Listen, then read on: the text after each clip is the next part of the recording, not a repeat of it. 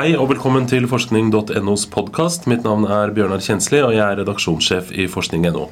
I denne ukens sending skal vi snakke om hvordan forfattere endrer på historiene sine, og om hvor det ble av Karoline, som er kjæresten til tanntrollet Baktus. Vi skal også snakke om hvordan det er å være gift, og hva slags forventninger vi har til ekteskapet. Men først. I en ny studie har forskere fra bl.a. Oslo universitetssykehus og Universitetet i Bergen undersøkt statistikken over dødfødsler og spedbarnsdød nærmere. I studien kommer det fram at risikoen for slike dødsfall var dobbelt så høy i befolkningsgruppa med pakistansk bakgrunn i forhold til det den var i den etnisk norske gruppa. Og journalisten Marianne Nordahl, du skrev om denne studien i uka som gikk. Kan du fortelle meg hva forskerne fant? Ja, altså Utgangspunktet var at de, eh, ville, ta, de ville se nærmere på tre grupper. De som var født i Pakistan med pakistanske foreldre. De som var født i Norge eh, med pakistanske foreldre. Og de som var født i Norge med norske foreldre, altså de med norsk bakgrunn. Så to grupper hadde pakistansk bakgrunn, og én hadde norsk bakgrunn. Og det ville de gjøre fordi at de tidligere har funnet at de som var født i Pakistan, eh, hadde en større risiko for dødfødsler og spedbarnsdød enn de som var født i Norge og var norske. Og det var en studie som var gjort eh, mellom 1967 og 93. Og nå vil de finne ut om det har forandra seg eh, etter at flere av de som er, har pakistansk bakgrunn, men som er født i Norge, har fått barn. De ville finne ut om risikoen var like stor blant dem. Og de fant at det fremdeles var en forskjell eh, mellom de med pakistansk bakgrunn og de med norsk bakgrunn. Eh, selv om de med pakistansk bakgrunn var født i Norge. Så Det er jo da hovedfunnet i denne studien. Men det er litt viktig å si at det er veldig lave tall. Det er veldig få dødfødsler og barnedødsfall før fylte ett år i Norge. Mm. Så det er litt sånn um, Det er ikke mange uansett, da. Nei. Men altså forskjeller. Ja. Fant forskerne noe om uh, årsakene til at det er sånn? Ja, de mener i hvert fall det. De har ikke gått noe hardt inn på hvert enkel, uh, hvert enkel barnedødsfall. Men det de ser, er liksom mønstre. Og de ser at uh, det inngås flere ekteskap mellom slektninger i gruppa med pakistansk bakgrunn enn de med norsk bakgrunn. Og det er en uh, teori de har hatt i flere år, at det kan være en av årsakene. Fordi man vet at f.eks. Uh, det at fetter og kusine får barn sammen, det kan gi en større risiko for arvelige sykdommer og misdannelser. Som kan gi en risiko for dødelighet. I tillegg så så de at um, Eller vet fra før at det å ha jo høyere utdannelse um, det henger sammen med en lavere risiko for både det å få oppleve dødfødsel og eh, det å miste barnet før fylte ett år. Eh, og det var en litt lavere, litt lavere, utdanningsnivå i den gruppa med pakistansk bakgrunn enn den med norsk bakgrunn. Mm. I tillegg så var det litt mer diabetes og litt oftere for tidlige fødsler, som også er litt sånn risiko. Eh, derimot så var det sånn at det norske mødre røyker oftere i svangerskapet enn det de med pakistansk bakgrunn gjør. Så det veide jo litt imot, men fremdeles flere risikofaktorer da, mm. i den andre gruppa. Du sa at vi snakker uansett veldig få eh, dødfødsler og spedbarnsdødsfall eh, for forskerne å telle her, og at det på en måte er en svakhet ved, ved studien. Vi snakker om her er, eh, altså Tallene for Norge er Eh, blant norskfødte med norsk bakgrunn er det 3,5 barn av 1000 barn. Eh, og blant eh, de som blir født i Norge av pakistanske foreldre, er det fem av 1000. Mm. Og av de som blir født i Pakistan av pakistanske foreldre, er det 7,4 per 1000. Ja. Så, og det er uansett internasjonalt sett ganske lave tall? er Det ikke det? Det er veldig lave tall, og det gjør også studien resultatene litt usikre, sier det innvender forskerne sjøl. Mm. Fordi det å sammenligne altså 7,4 med 3,5 det, det, kan gi en større usikkerhet da, enn mm. hvis det hadde vært en, et mye større tall og ja, flere mm. tilfeller. Mm. Er det noen andre svakheter ved studien? Ja, det er i hvert fall Om ikke svakheter, så i hvert fall så sier de at resultatene kan jo fremdeles endre seg ganske mye i årene som kommer. Det kan skje ting i den gruppa av eh, altså befolkningsgruppa som er født i Norge med pakistansk bakgrunn. Um, og flere av de vil få, mange av de flere av de vil få barn framover. Så da må man liksom følge opp med en studie om noen år da, for mm. å se om fremdeles er sånn. Mm. Er det fordi vi er midt i en ny tid på en eller annen måte? Altså, no, mange kom til Pakistan på 70-tallet, mange av de fikk barn, og mange av de får nå igjen barn. Er det, har noe med det å gjøre? Ja, ikke sant? Og så vil etter hvert de igjen få barn. Mm, mm. Så det kan, jo, det kan, jo, skje ting som, har, eh, som er kulturelt betinga. Eller Mm. dette, Alt dette lurer disse på, da, om de vil studere Eller det mener de at bør studeres videre. Og så um, uh, ser de jo i hvert fall at en god nyhet er at Um, mellom da 1995 og 2010, som er perioden de nå har undersøkt, så blir det færre dødfødsler i den, den uh, dødsgruppa der, holdt jeg på å si. Den går ned blant alle. Mm. Men samtidig da, så kan det også være uttrykk for at uh, vi klarer å redde redde flere i mors liv. Og da vil vi kanskje få en større risiko for de som melder, altså de barna før de fyller ett år. Så vil det kanskje bli en større dødsrisiko blant dem. Okay. Så da kan det øke. Mm. Tusen takk skal du ha, journalist Marianne Nordahl.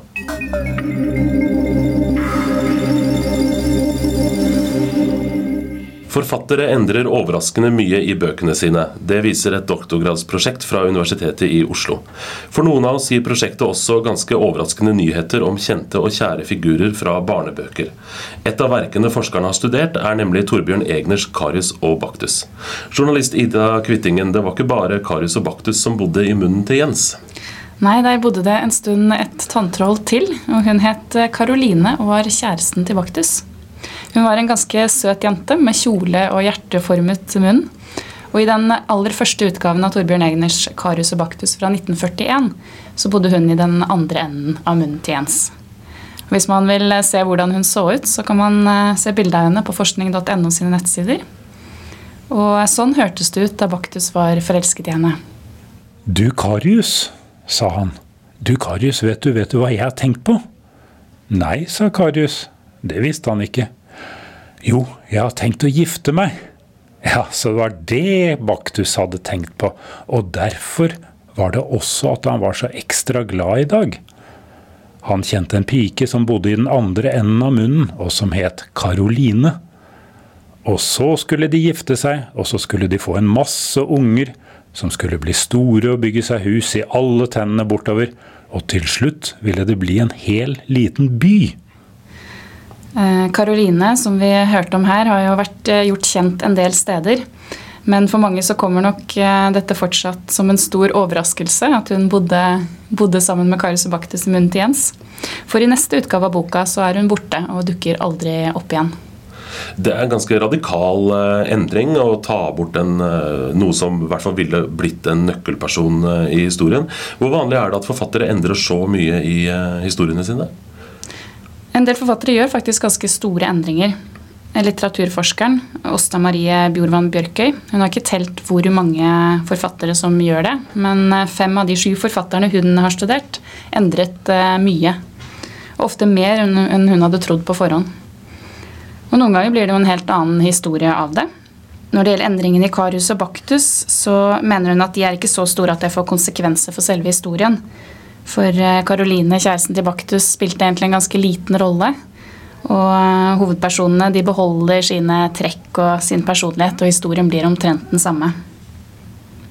Hva betyr sånne endringer som det her for oss som lesere? Nei, det kan jo bety at vi leser helt andre bøker enn vi tror. Vi er jo vant til å tenke at en bok er en bok. Det er ikke så farlig hvilken utgave vi leser.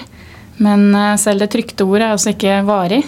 Hos noen av forfatterne så er jo endringene så store at det blir helt andre verk. F.eks.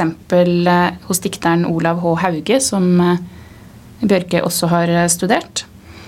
Han endret noen av diktene sine så radikalt at de kan tolkes på en annen måte. F.eks. diktet 'Femstein'. Det ble veldig forskjellig fra den første utgaven i 1951 til den versjonen som kom i 1980.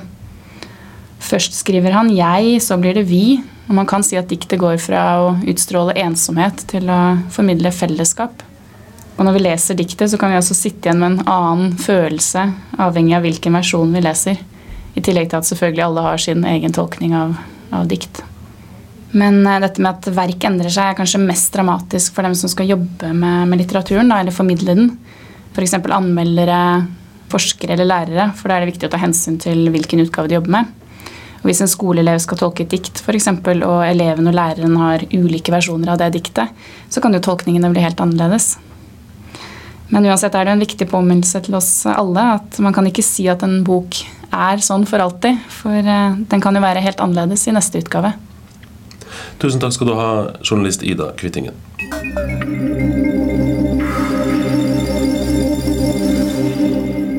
Vi ber ikke om mer av ektefellen vår nå enn før, men vi ønsker oss helt andre ting. Det kveler parforholdet, mener amerikansk psykolog. Eh, og redaktør Nina Kristiansen, du har skrevet sak om eh, hvordan dagens ekteskap kveles av umulige forventninger i uka som gikk. Eh, hva er det forskerne har funnet ut? Ja, de har gjort en sammenligning av ekteskap før og nå. Eh, og finne ut at det, Før så måtte ekteskapet Det var helt nødvendig eh, i det gamle bondesamfunnet. Det, det, holdt oss varme, det holdt oss mette, det holdt oss eh, trygge. Eh, det var, det, var, ikke noe liv eh, for folk utafor ekteskapet. Eller i hvert fall mye mindre muligheter, da, livsmuligheter. Særlig for kvinner. Eh, sånn at da ba folk ganske mye ting fra et ekteskap. Og så eh, hadde han forskeren jeg snakka med, da, han hadde egentlig tenkt å skrive sånn at vi var så kravstore nå. Eh, så, så, tok forskningen hans en helt annen retning og sa at ja, vi ba mye da, og vi ber om mye nå også. Men det vi ber om nå, det er en form for sånn psykisk velvære. At når du er gift, så skal du forstå meg. Du skal forstå meg langt, langt inn i sjelen. Og du skal støtte meg i alle mine vanskeligheter og utfordringer. Og du skal hjelpe meg å vokse. Og du skal sørge for at jeg blir en bedre person. Og det er ganske krevende, altså. Men jeg, jeg, jeg, trenger ikke deg annet enn for eh, dette her. For jeg kan få barn, og jeg kan få kjærlighet, jeg kan få sex, jeg kan få respekt, jeg kan få økonomisk trygghet utafor eh, parforholdet. Jeg trenger ikke det lenger. Så det jeg må ha da, det er en form for eh, liksom, blanding av lekekamerat, psykoterapeut, eh, coach, ikke sant? Og mm. det er for mye å be om. Mm. Er det noen andre årsaker til at ekteskap ikke funker? Dette her høres ut som dette er jo eh, ødelagte forventninger. Det er jo én årsak. Er det noen andre årsaker? Ja, fordi at han fant to ting samtidig. Det ene er at man liksom ber om disse herre helt utrolig følelsesmessige følelsesmessig bånda. Det er det ene. Det andre trenden han fant, er at par i USA, da, som han har forska, bruker mindre og mindre tid sammen. Mm. Så på den ene siden så skal man liksom forstå den indre kjernen i seg sjøl. På den andre siden så bruker man ikke tid sammen. Mm. Og det er klart at det går ikke overens. No.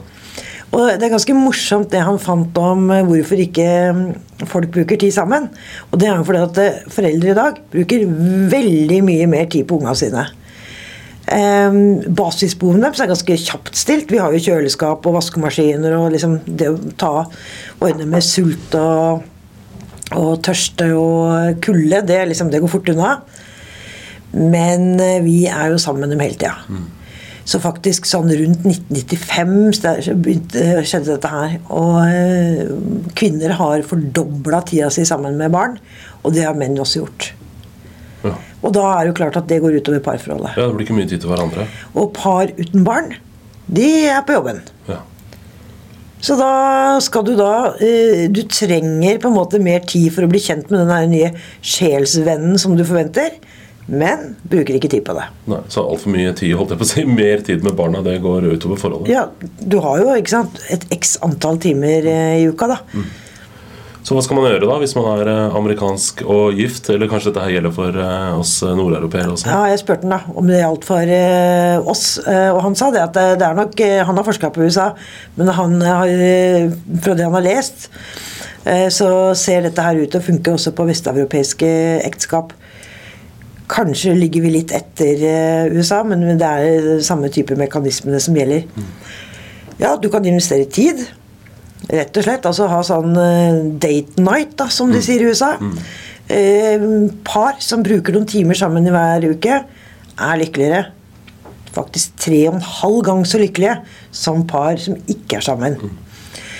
Eh, eller så kan du slutte å stille så mange forventninger er eh, du f.eks. veldig veldig opptatt av jobben din eh, og trenger veldig mye støtte rundt deg, kanskje du heller skal bruke en kollega enn ektefellen din. Kanskje ektefellen din ikke kan gi deg støtte på alle måter. Så man skal rett og slett før man gifter seg, mener han, da, han Eli Finkel, som denne psykologen heter, så skal man istedenfor å snakke om hva man forventer seg, så kan du snakke om hva jeg ikke forventer meg.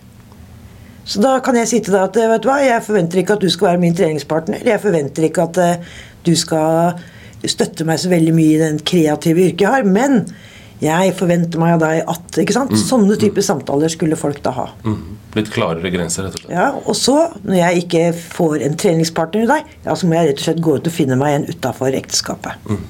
Tusen takk skal du ha, redaktør Nina Kristiansen. Saken om lykkelige og ulykkelige ekteskap både i USA og her i Europa, eh, og den saken om spedbarnsdød og dødfødsler, og også saken om kjæresten til Baktus og om hvordan forfattere endrer på historiene sine, kan du lese på forskning.no. Og Vi er tilbake med flere saker i podkasten neste uke.